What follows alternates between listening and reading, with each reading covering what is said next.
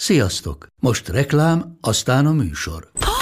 Hú, de szép szőnyeg. Új. Igen, tegnap vettem a Diégóban. Ó, és ez a függöny, de szép. Diégó! És hamarosan lesz új laminált padló a hálóban. Rátszakott a bank. Csak regisztráltam Diégó digitális klubkártyát vásárlás előtt. Csináljunk neked is egyet? Csak egy perc és kész. Regisztrálj te is áruházainkban, vagy a diego.hu oldalon, és azonnal megkapod digitális klubkártyádat, melyel akár 30% kedvezménnyel vásárolhatsz padlóburkolati és lakástextil termékeket. Diego.hu Már meg is kaptam e-mailben. Ez reklám volt, jó volt.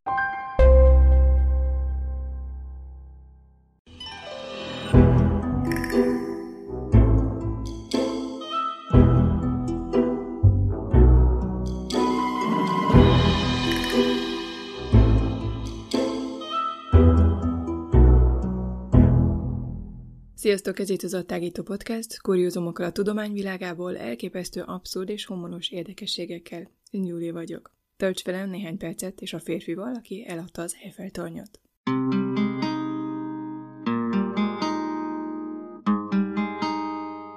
Viktor Lustig a történelem egyik legtehetségesebb és legzseniálisabb szélhámosa és csalója volt. Még a hírhelt gangster főnök Al Capone is bedönt neki. Graham Greene, brit író pedig történetbe foglalta az életrajzát. Történetünk Franciaországban, Párizsban kezdődik az 1880-as években. Az iparosodás technikai lehetőségeivel felmerültek a magas épületek építésének ötletei is. Ezek a toronyépületek a kor szellemét tükrözték. Gustav Eiffel mérnöki irodája már 1884-ben terveket dolgozott ki a közeledő világkiállításra. A hivatalos pályázati kiírás 1886-ban kezdődött, száz pályázó részvételével. Gustav Eiffelék nyertek. Az Eiffel-torony építése alig több mint két évig tartott, 1887. januárjától 1889. márciusáig. Több mint 30 ezer köbméter földet kellett kitermelni a négy pillér alapozásához. Az építési munkálatokban körülbelül 300 ember vett részt, akik napi 9-12 órát dolgoztak az Eiffel-tornyon, köztük kéményseprők is, mivel ők hozzászoktak a nagy magasságban végzett munkákhoz. A munkálatok határidőre néhány héttel a világkiállítás megnyitása előtt 1889. március 31-én fejeződtek be. Ezen a napon Gustav Eiffel lépcső mászott fel a torony tetejére, mivel a felvonók még nem működtek, és felhúzta a francia zászlót. Az eredeti tervek szerint az Eiffel-tornyot 20 évvel a világkiállítás után le kellett volna bontani.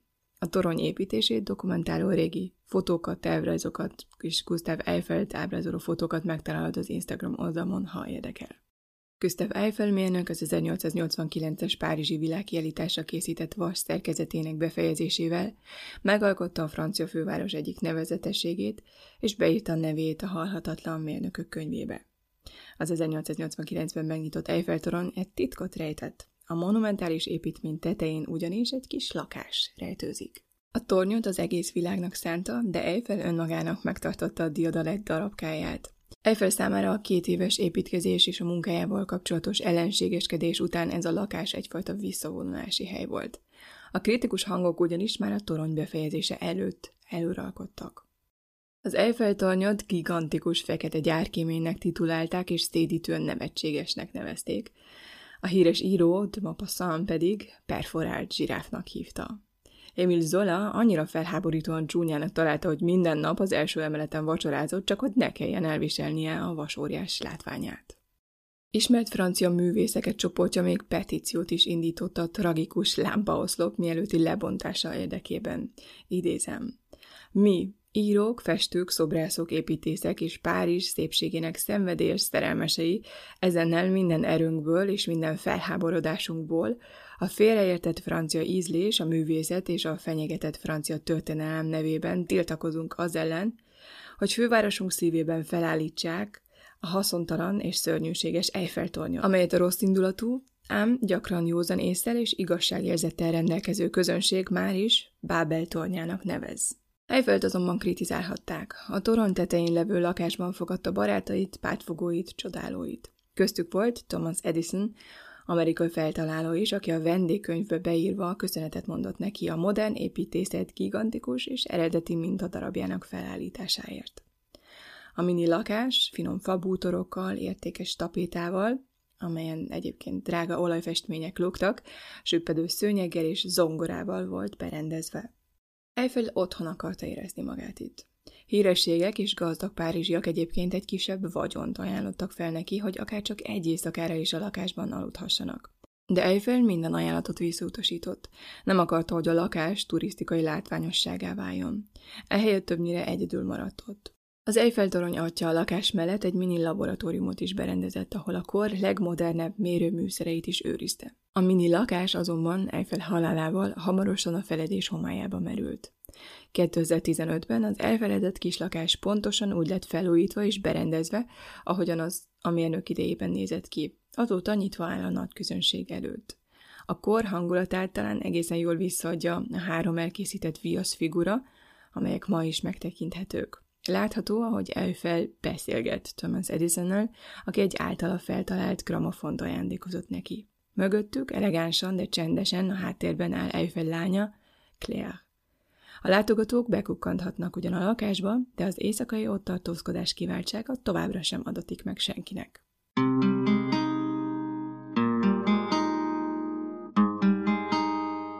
És most következzenek érdekes tények az Eiffel toronyról. Satszolj, szerinted mennyit ér az Eiffel torony? A Monzai Kereskedelmi Kamara 2012-ben 434 milliárd euróra becsülte a szerkezet értékét. Az 1920-as és 30-as években az Eiffel-tornyot a Citroën reklámfelületként használta.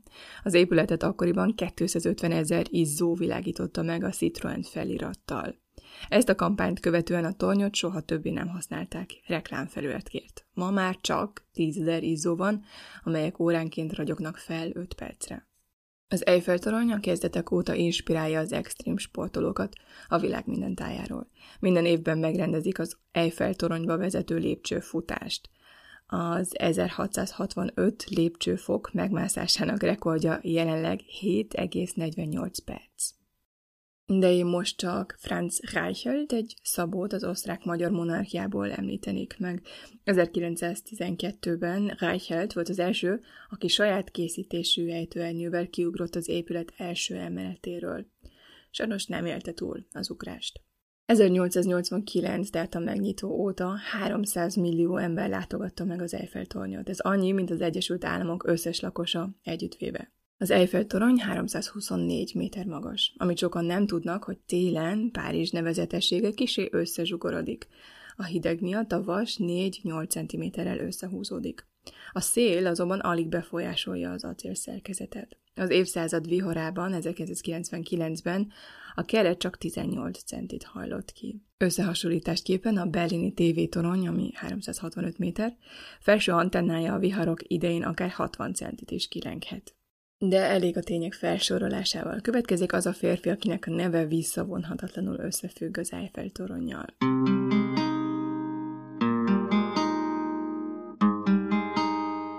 Nem egyértelmű, mivel eléggé visszakövethetetlen, de valószínű, hogy Viktor Lustig az osztrák-magyar monarchiában 1890-ben született egy felső középosztálybeli családban.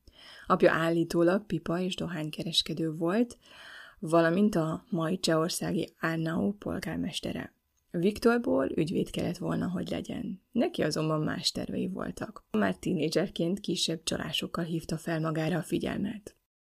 1908-ban Lustig Prágában tartózkodott, ahol két hónap börtönre ítélték lopásért. 1909-ben Bécsben, 1910-ben Klagenfurtban, 1911-ben ismét Bécsben, 1912-ben pedig Zürichben ült, börtönben. Mégis nagyon tehetséges volt, 19 évesen Lustig a párizsi szorbanon tanult, és mellékállásban megtanult biliárdozni, pókerezni és bridgelni. Eközben egy féltékeny játékos társa jellegzetesebb helyet ejtett rajta a bal szeme és a füle között. Állítólag tuti fogadásokat tett lovakra, majd eltűnt a tétekkel együtt. Szégyenükben kevés áldozat fordult a rendőrséghez. Az első világháború előtt Lustig sármos modorával és elegáns megjelenésével szerencsejátékkal és kártyajátékokkal kereste a pénzt. 1920-ban az Egyesült Államokba ment, ahol Viktor Lustig grófnak nevezte magát. Kitűnő emberismeretével, kifogástalan öltözékével és arisztokratikus megjelenésével húzott ki sok-sok ember zsebéből pénzt. Hamarosan 40 amerikai város nyomozói a helyes néven futattak utána. Lustig azonban nem olyan volt, mint a többi elkövető. Soha nem folyamodott erőszakhoz, soha sem fogott fegyvert a kezében is, ráadásul pillangókat gyűjtött. 1925. májusában ismét Párizsban jelent meg, ahol elkövette azt a csalást, amely világhírűvé tette. Egy kávézóban ülve újságcikket olvasott az Eiffel-torony lassú romlásáról, amelyeket a tervek szerint már 1909-ben le kellett volna bontani. A párizsiak nem igazán rajongtak a toronyért, ennek megfelelően rosszul volt karbantartva. A torony hatalmas költségeket okozott, mivel 7 évente át kellett festeni a rozsdásodás veszélye miatt. A kritikus hangok egyre erősödtek, a városvezetés ezért azt fontolgatta, hogy megszabadul a zavaró acélvázaktól. A lebontás hívei még 1925-ben sem hallgattak el. A témát néha-néha újságok oldalain tárgyalták. Lustignak ekkor támadt az a zseniális ötlete. Hamisított dokumentumokkal a postaügyi minisztérium főigazgatójának adta ki magát. A francia kormány hivatalos pecsicsivel ellátott levélpapírt készített. Ezután levelet írt a francia fémhulladékipar hat vezető emberének, és meghívta őket a szállodába egy találkozóra. Lustig kiírt egy fake pályázatot, amelyben 7300 tonna vas konstrukciót kínált eladásra. Meghívást küldött a hat francia fémhulladékipar vezetőjének, és megkérte őket, hogy találkozzanak bizalmasan a Place de la Concordon levő tekintélyes Hotel de Crionban, amely egyébként diplomaták és politikusok jól ismert találkozóhelye volt. Mind a hat kereskedő megjelent a találkozón. Lustig elmagyarázta az érdekelt feleknek, hogy azért választották ki őket, mert becsületes üzletemberként jó hírnek örvendenek. Mérnöki hibák, költséges javítások és olyan politikai problémák miatt, amelyekről nem beszélhetek, az Eiffel-torony levontása szükségessé vált, mondta nekik állítólag. A várható nyilvános vita miatt a minisztérium egyelőre bizalmasan kívánta kezelni a megbeszéléseket. Az Eiffel-torony témája túl ellentmondásos volt, mondta, ezért nem találkozhattak hivatalosan a postaügyi minisztériumban. Ezután a kereskedőket felvitte a toronyba, hogy felmérje a viselkedésüket és az érdeklődésüket. Ezután kijelentette, hogy egy hetes határidővel várja az ajánlatokat. Lustig különösen egy kereskedőt tartott szemmel, André Poisson-t. André Poisson egy bizonytalan ember volt, aki társadalmi presztízsre vágyott. Az Eiffel-torony megvásárlásával úgy remélte, hogy végre felemelkedhet a párizsi üzleti világban.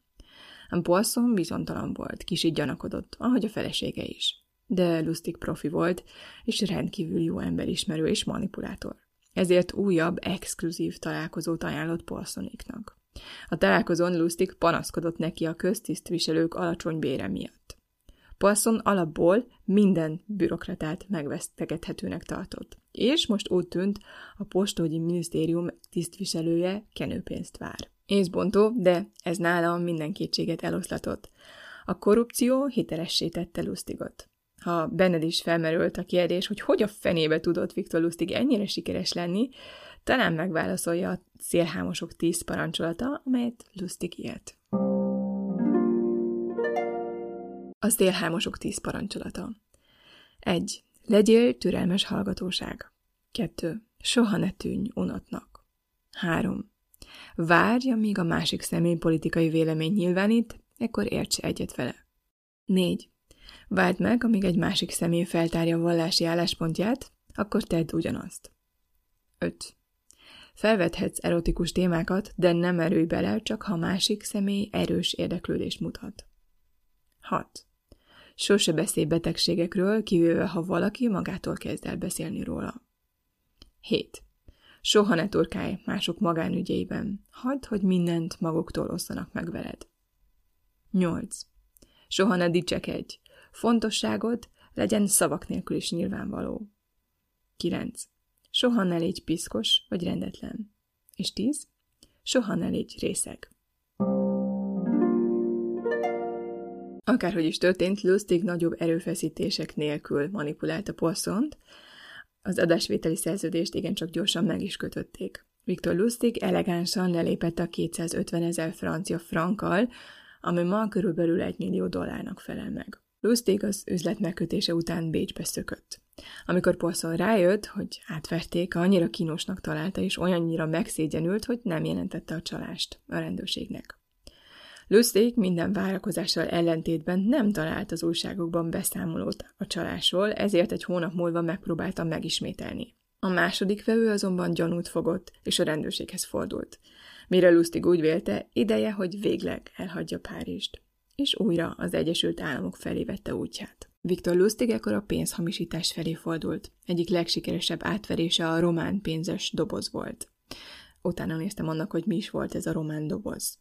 Ez egy cédrusfából készült kis doboz volt, bonyolult görgőkkel és sárga és tárcsákkal és karokkal. Lustig azt állította, hogy a szerkezet képes bankjegyeket másolni rádium segítségével. Viktor azt mondta a potenciális áldozatoknak, hogy feltalált egy olyan eszközt, amely képes bankjegyek pontos másolatát elkészíteni. Mindössze annyit kellett tenni, hogy papírt teszünk a gépbe, pénz formájára vágjuk, a másolásra szolgáló nyílásba egy valódi bankjegyet teszünk, elfordítjuk a kart, és a másik nyílásból egy teljesen pontos analógot kapunk. Csak a bankjegyek sorozat száma lesz más. Mégpedig azért, hogy a bankjegyek értékesítése során nem merüljenek fel problémák. Igaz, panaszkodott a csaló, a gép nagyon lassú. Egy bankjegy másolása 6-8 órát vesz igénybe. A vásárlók könyörögtek Viktornak, hogy adjon el nekik egy csodagépet. Lustig először mindig visszautasította őket, azt állította, hogy gyorsabb gépet fejleszt, de aztán hatta magát meggyőzni, és tisztességes összegért eladta a gépeket. Általában 30 ezer dollár körüli összeget kért, bár a konstrukció ára nem haladta meg a 15 dollárt. Viktor ezeket a román dobozokat gengsztereknek, bankároknak és üzletembereknek adta el. Összesen több mint egy millió dollárt szerzett velük. Lustig repertoárjában tartoztak még hamis lóvesen sémák, üzleti megbeszélések során színlelt görcsrohamok és kamu ingatlan befektetések is. Ezek a szélhámosságok egyszerre tették őt közellenségé és milliómossá. Lustig egy szélhámos volt ugyan, de mégis minden nővel tisztelettel bánt. 1919. november 3-án feleségül vett egy Robert Narrat nevű csinos kansasi nőt.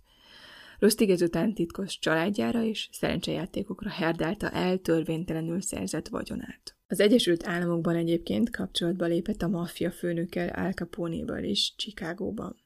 Lustig ismét osztrák arisztokratának adta ki magát, és magabiztos megjelenésével lenyűgözte Capone-t. Lustig azt állította, hogy 60 nap alatt meg tud duplázni egy 50 ezer dolláros összeget. Al Capone belement az üzletbe. Lustig a pénzt egy chicagói bank széfjében helyezte el, vagy New Yorkba utazott. 60 nap múlva visszatért, és bevallotta, hogy a terv kudarcot vallott.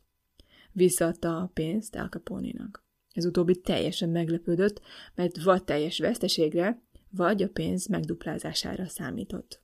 Azonban nagyon elégedett volt Viktor Lustig őszinteségével, és átadott neki 1000 dollárt, más források szerint 5000 dollárt. És Viktor Lustig pontosan erre számított, és ezzel a húzással egy hatalmas pártfogót is szerzett magának a szervezett bűnözésű világában. Viktor Lustig azonban nagyban dolgozott. 1934-ben a Secret Service külön bizottságot hozott létre, hogy feltárja az USA-t elárasztó hamis pénz eredetét. A gyanúsított először egy William Watts nevű gyógyszerész volt, aki már a szesztilalom idején is címkéket hamisított viszkis üvegekre. watts összefogva Lustig olyan hibátlan bankjegyeket készített, amelyek még a banki pénztárosokat is megtévesztették. A Lustig Watts bankjegyek voltak a korszak szuper bankjegyei. Lustig merészen úgy döntött, hogy 100 dolláros bankjegyeket másol, amelyeket a pénztárosok a legjobban vizsgálnak, és olyan lett, mint egy másik kormány, amely az Egyesült Államok kincstárával versengve pénzt bocsájt ki, mint ahogy ezt később egy bíró megjegyezte. Wattsot és Lustigot ekkor már Amerika szerte körözték, mivel a hatalmas bankjegy hamisítási akció lassanként az amerikai gazdaságba vetett bizalmat is fenyegette. A hamisítók elfogása egyfajta macska egérjátéká vált a titkosszolgálat számára. Lustig áruhák tárházával utazott, és könnyen át tudott változni rabbivá, pappá, londineré vagy portássá. Podgyász hordozónak öltözve bármelyik szállodából képes volt egy pillanat alatt megszökni, és még a csomagjait is magával vitte. Lustig végül 1935. május 10-én egy New Yorki utcasarkon érezte, hogy kabátjának básony galériát megrántják. Egy hang azt parancsolta, kezeket fel, Lustig tanulmányozta az őt körülvevő férfi kört, és észrevette a Rubánó ügynököt, aki már hónapok óta a nyomában volt. Viktort bilincsben vezették el. A New Yorki Times Square-en egy szekrényben 51 ezer hamis amerikai dollárt és a hozzájuk tartozó nyomdatömböket találtak, és Lustignál volt a szekrény kulcsa. A titkosszolgálat győzött, de nem véglegesen. Ugyanis 1935. szeptember 1-én Lustig megszökött a Manhattani maximális biztonságú börtönből. Ágyneműből kötelet készített, átvágta a rácsokat, és városi tarzanként lengett ki az ablakon. Amikor a bámészkodók egy csoportja megállt és mutogatott rá, a rab elővett a zsebéből egy rongyot, és úgy tett, mintha az ablakot tisztítaná. Azután talpra állva udvariasan meghajolt a közönség előtt, majd könnyű léptekkel elrohant. A rendőrség a cellájához rohant, a párnáján egy kézzel írt cetlit találtak, egy részletet a Viktor Hugo nyomorultak című könyvéből. Idézem, a törvényt nem Isten alkotta, és az ember tévedhet. A mindössze 27 napot töltött szabadlábon, ezután ismét letartóztatták Pittsburghben egy régi típusú autós üldözés után. Lustig ellen végül 1935. december 5-én emeltek vádat.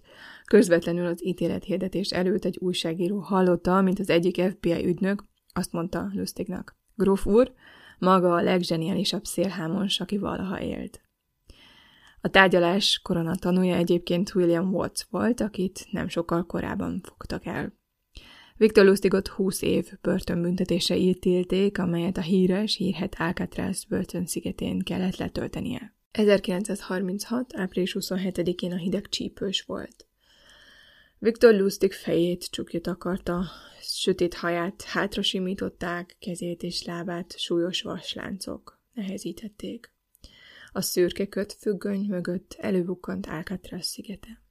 Az akkor 46 éves gróf Viktor Lustig Amerika legeredményesebb szélhámosa volt. Hosszú bűnözői karrierje során bűvészmutatványai és meggazdagodási tervei megrengették a jazz korszak Amerikáját és az egész világot. Em Lustig más volt, mint bármelyik rab, aki az Alcatrazba érkezett. Úgy öltözködött, mint egy mozibálvány, hipnotizáló sármal rendelkezett, öt nyelven beszélt folyékonyan, és úgy játszotta ki a törvényt, mint még senki előtte. Egy FBI ügynök azt írta, hogy Lustig olyan megfoghatatlan volt, mint a cigarettafüst, és olyan bájos, mint egy fiatal lány álma.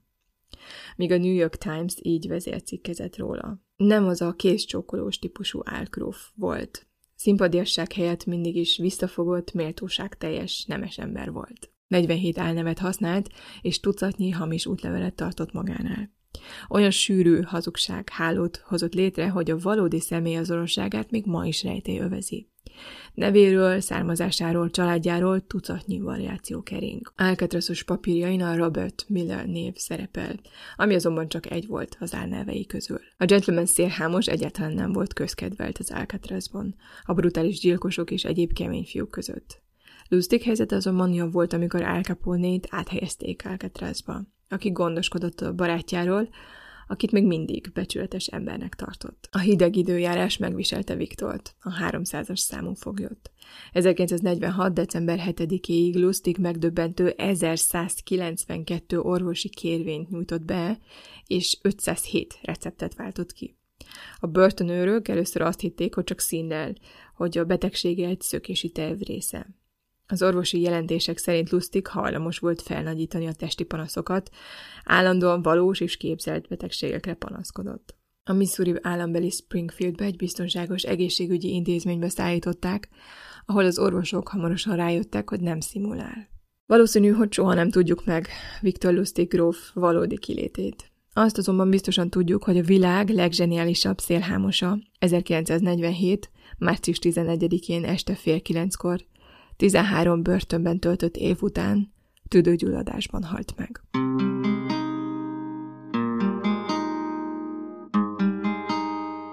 Ennyi volt az adtágítás mára, remélem tetszett a mai rész. Mint mindig most is posztoltam további infokat és fényképeket az Instagram oldalamon. Mindig nagyon örülök néhány visszajelzésnek és kommentnek, és köszönöm a sok üzenetet, amiket az Instagramon írtatok. Hamarosan újra jelentkezem, addig is, maradj szkeptikus, maradj kíváncsi!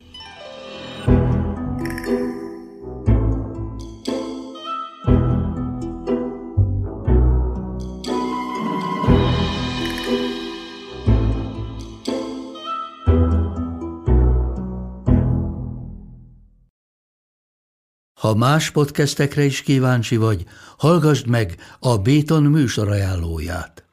El tudod képzelni, hogy a podcastet, amit éppen most hallgattál, fél év múlva már a mesterséges intelligencia generálja? Mi sem. De ha érdekel, eljötte már a gépek lázadása. Hallgass bele az Embertelen podcastbe. Orsós Lajos vagyok, a műsor házigazdája. Egyelőre még élőben. Egyelőre. Fedezzük fel együtt, hogyan ismerkedik, randizik, mesél és vitatkozik Betty és Péter, két teljesen mesterséges intelligencia. Lajos, a podcast címét mond még egyszer, Léci. Oké. Okay. Embertelen podcast. Ez a műsor a Béton közösség tagja.